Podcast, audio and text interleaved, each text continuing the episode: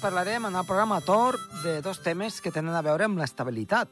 El primer d'ells, els pols freds, que són aquestes zones on l'aire fred s'acumula, i això ens ho explicarà en Gerard Tauler, que n'és molt afeccionat, igual que jo, en aquest, en aquest sentit. I, d'altra banda, parlarem també d'estabilitat amb Sergi Càrceles, doncs ens dirà què són els anticiclons, com funcionen i com es creen. Vinga, no s'ho perdin, som-hi!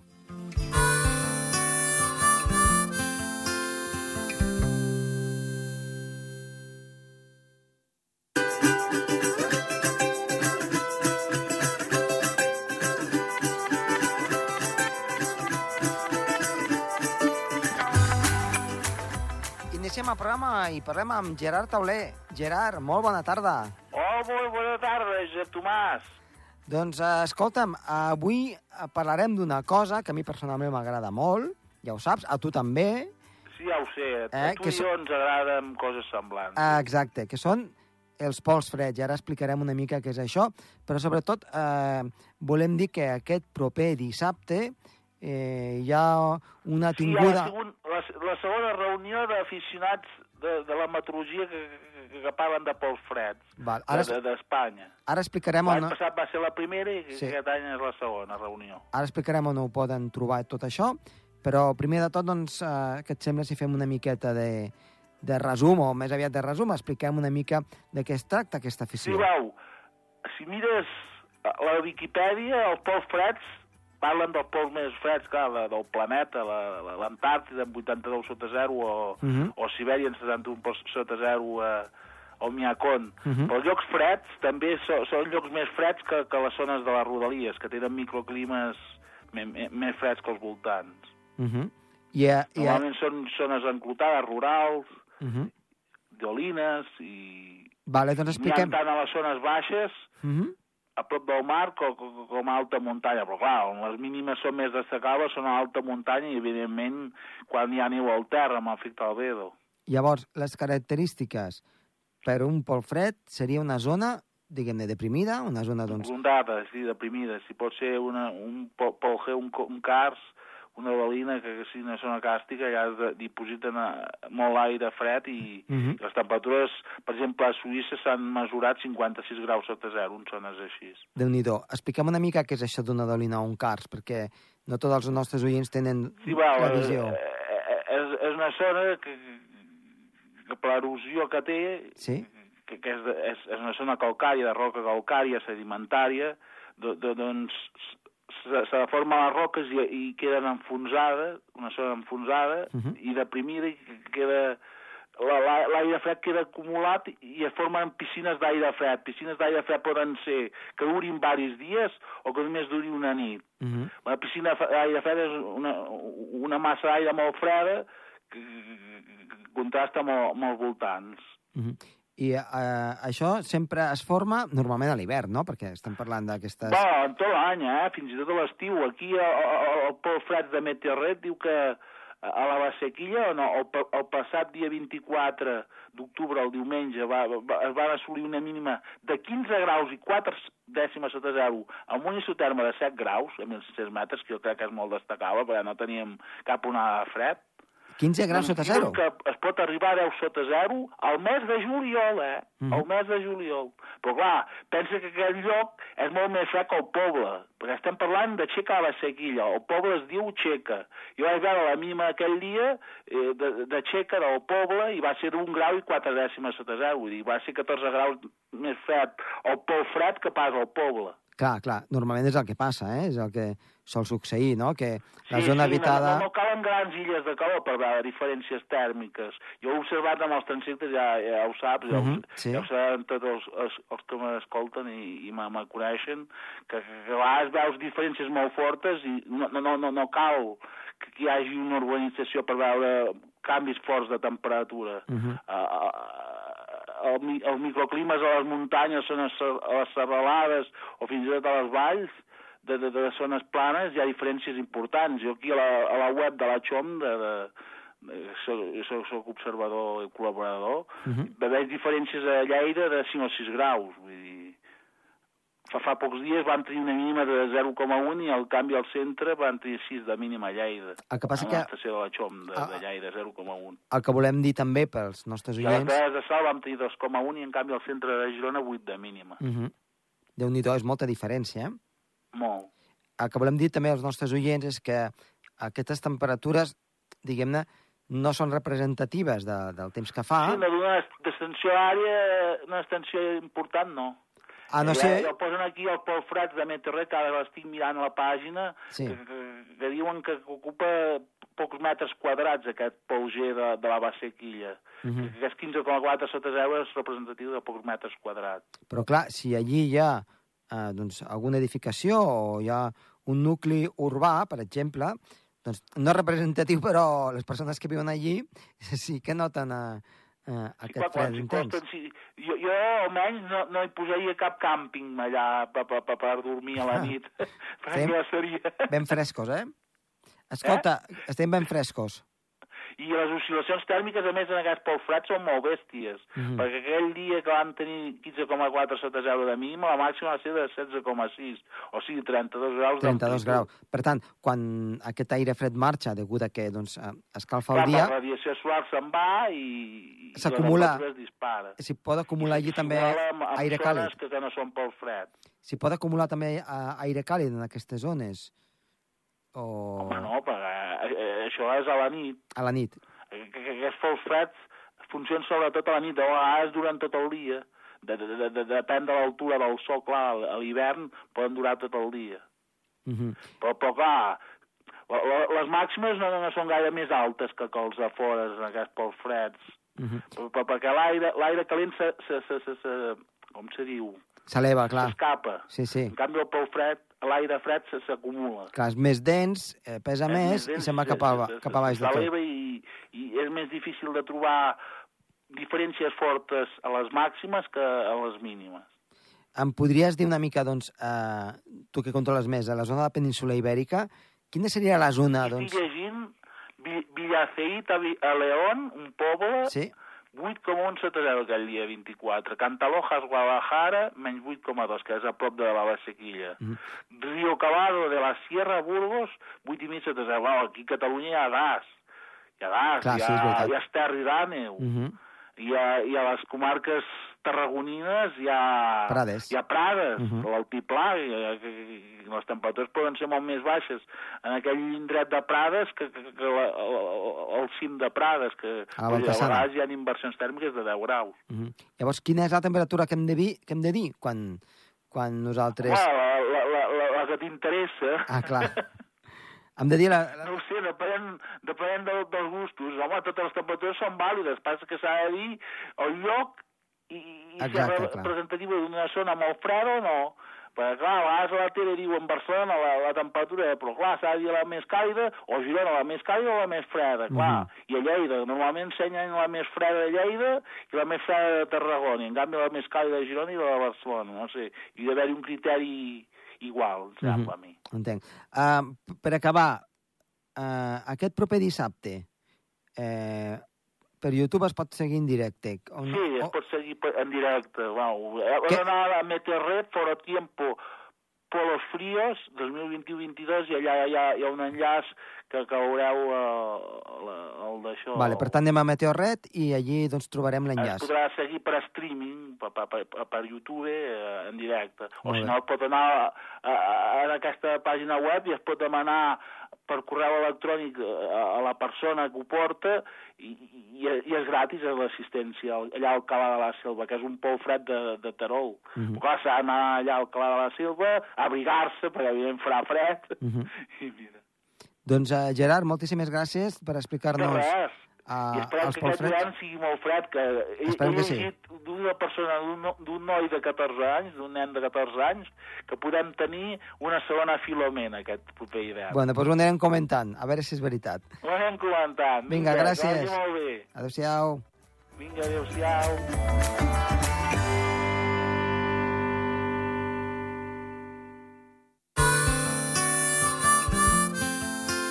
El Torb, amb Josep Tomàs.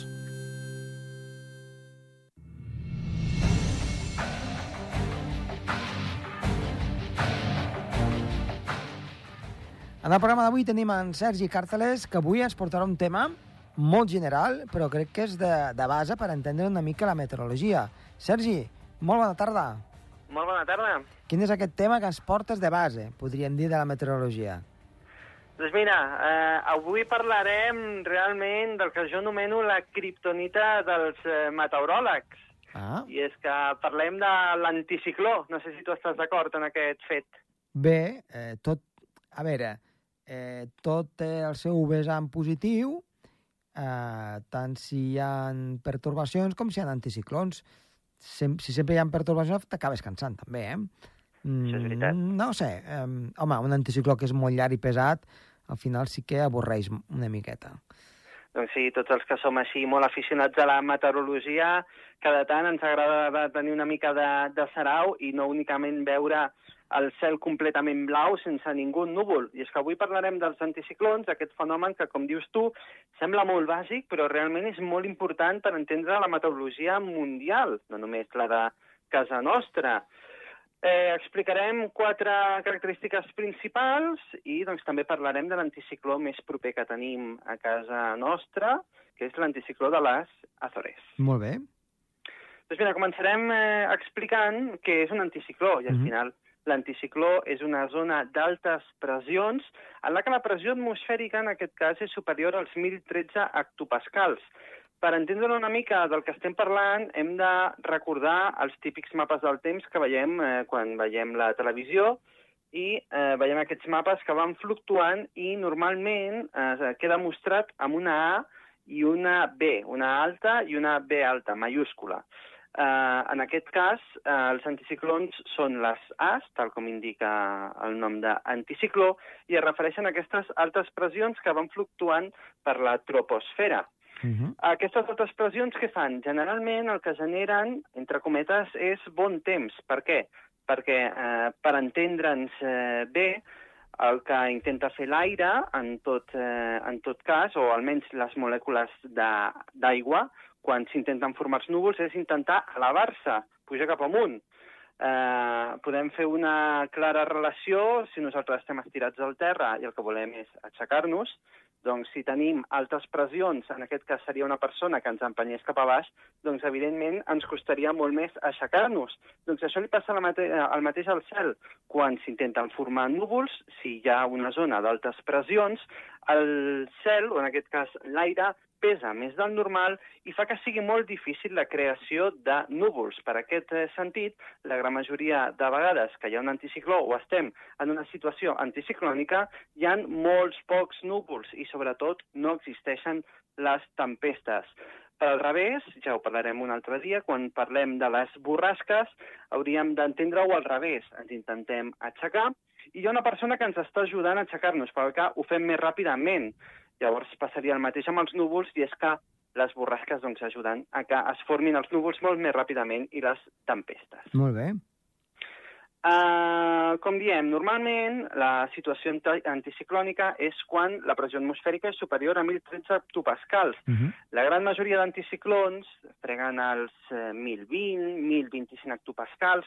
Quan ja hi ha un anticicló de 1.030 ja parlem d'un anticicló bastant fort i a vegades s'han trobat alguns anticiclons que han arribat als 1.055 o 1.060 hectopascals. És una cosa excepcional, una pressió atmosfèrica molt alta i hi ha gent que, curiosament, és molt eh, sensible als fenòmens meteorològics i sí que és veritat, i està demostrat científicament, que quan hi ha un anticicló bastant fort a sobre nostra, Sí? l'aire ens pesa més i això nosaltres també ho notem, encara que realment no fa que nosaltres pesem més quilos, ni que tampoc ens costi caminar, etc, perquè al final l'aire no pesa gaire i no ens genera una gran força cap a nosaltres. Però sí que és veritat que hi ha gent que li genera mal de caps Mhm. i realment doncs, està demostrat eh, doncs això, que quan hi ha un anticicló molt fort la gent és més propensa als mals de cap. Així que si algun dia eh, teniu algun mal de cap que no sabeu de què ve, doncs si mireu alguna estació meteorològica o esteu atents al que diuen els homes del temps, doncs potser estem en una situació anticiclònica i ja teniu l'explicació al vostre problema de mal de cap. Doncs eh, és una bona referència per tenir-ho en compte, perquè, clar, sempre s'havia dit que quan, quan venia una tempesta o venien baixes pressions, doncs que eh, s'alterava una mica doncs, el que seria això que estàs dient, eh? una mica la circulació eh, de la sang i que això podia donar mals de cas, però també hem de dir que l'arribada d'altres pressions molt elevades eh, pot ocasionar doncs, aquestes eh, migranyes o aquests mal de caps que estàs dient.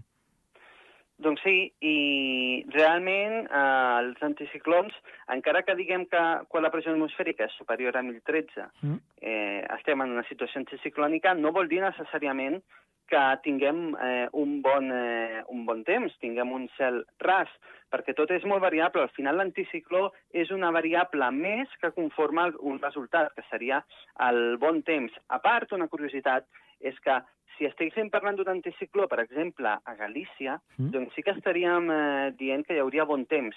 Però què passa? Que nosaltres estem relativament a prop del, Mediter del mar Mediterrani, un mar que és molt càlid i té una característica especial, i és que fins i tot eh, quan estem en anticiclons, si no és un anticicló gaire fort, estem parlant de 1.020, com a molt 1.025 hectopascals, es poden formar tempestes igualment, eh, tempestes d'estiu, tempestes de tardor, que es formen per la tarda. Per què?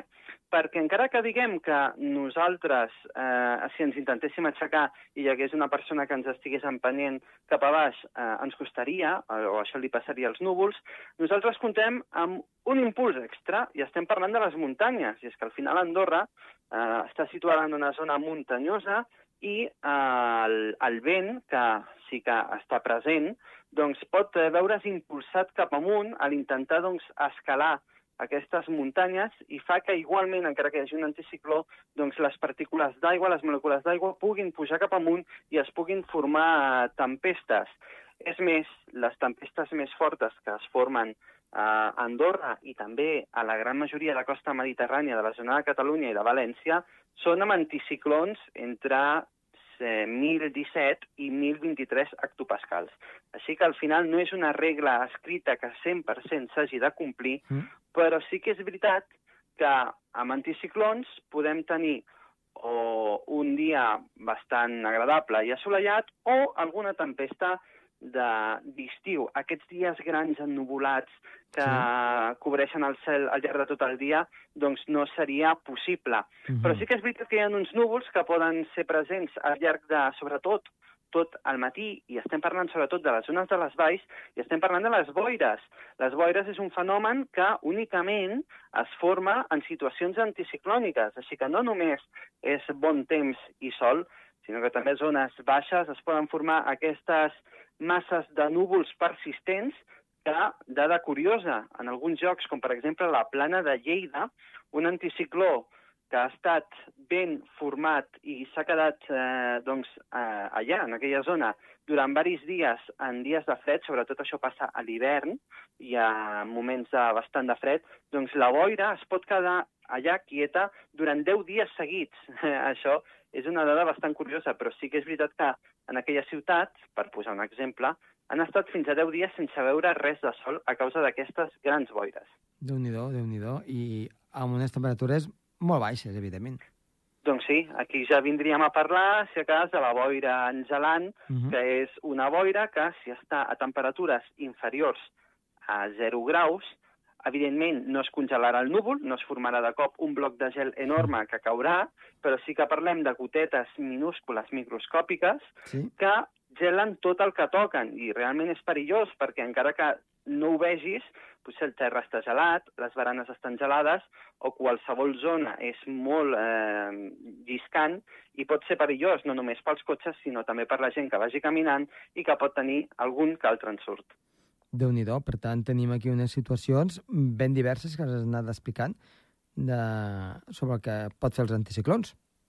Doncs sí, últimament, eh, o per acabar eh, aquesta temàtica, parlarem de l'anticicló de les Azores, que hem parlat abans, que és un anticicló que està situat a les Illes Azores, d'aquí que vingui mm -hmm. aquest, eh, aquest nom, i el que, el que té d'especial és que és l'anticicló permanent més proper que tenim del planeta Terra. Evidentment, eh, sabem que les masses d'aire al planeta Terra doncs hi ha unes borrasques que són constants, que estan permanentment en una zona, i anticiclons que altres. I l'anticicló de les Azores és un d'aquests, un anticicló que es va movent una mica més cap al nord i una mica menys, però normalment quan tenim grans eh, setmanes de sol sense veure gaires núvols, doncs és perquè l'anticicló de les Azores està a sobre de casa nostra i fa de barrera evitant de que qualsevol borrasca o qualsevol front pugui penetrar i llavors doncs, tindrem totes aquestes grans estones de sol. Però aquest anticicló a vegades pot ser una mica traicioner i és que si es mou massa cap al nord mm. i arriba, per exemple, a les illes britàniques, Sí? el que farà és que les borrasques que estan en aquelles zones quedin empeses cap al sud, arribin a la península ibèrica, Itàlia i França i puguem tenir dies i dies de núvols i pluges. Mm, O sigui, eh, podem dir que aquest anticicló permanent de les Illes Açores, amb el que ara estàs explicant, es pot traslladar directament cap a zones de més al nord i desaparèixer, desaparèixer d'aquella zona, de, de, de les Açores, diguem-ne. Bé, sí, sí que, de, sí que desapareix, eh, evidentment. Moure's, eh, no, no estem parlant d'una d'una constant, però sí que és una zona que, en el cas que desaparegui un d'aquests anticiclons, que al final doncs, van guanyant i perdent força, Sí? Doncs es formaran altres, anti, altres anticiclons. Evidentment, no és un sol anticicló permanent que duri Mhm. anys i panys, sinó diferents anticiclons, però que es formen sempre més o menys a la mateixa zona. A la mateixa zona. Val. I si es desplacen cap al nord, doncs obren les portes a que puguin visitar-nos borrasques, que és el que estaves comentant una mica. Doncs sí, queden, queden empeses aquestes borrasques cap, a, cap al sud i aquestes són les típiques situacions de pluges constants que poden estar tota la setmana i doncs, també parlaríem d'aquestes borrasques que deixen inundacions, sobretot eh, parlant més ja cap a la tardor i hivern. I és que l'anticicló aquest també pot eh, impulsar eh, grans masses d'aire fredes Mm. que provenen de, del centre i nord d'Europa cap a la zona del sud d'Europa i doncs es generen doncs, també les nevades que tenim a vegades a, a l'hivern és gràcies a aquest anticicló que es desplaça massa cap al nord, cap a les Illes Britàniques i empèn tot aquest aire cap a més cap al sud, és a dir, cap a casa nostra. Mm, per tant, doncs, eh, podríem dir que aquests anticiclons, per resumir, doncs, que donen molt de joc, sobretot en els seus, eh, en els seus límits, no? En els límits entre borrasques i anticiclons, eh, és el que dona el, el joc a que ens puguin visitar, com tu has dit ara, no? fins i tot nevades, eh, a l'hivern. Doncs sí, al final és, és el, que té, el que té de maco, no?, aquest, eh, aquest món, que res és estàtic, tot es va movent i, sobretot, tot està connectat. Tot el que passi en un lloc, hi haurà alguna cosa que passi a, a l'altra punta del planeta. Doncs, eh, Sergi, moltíssimes gràcies pel programa d'avui i per haver-nos explicat una mica com funcionen els anticiclons. És un plaer, que vagi molt bé. Adéu-siau.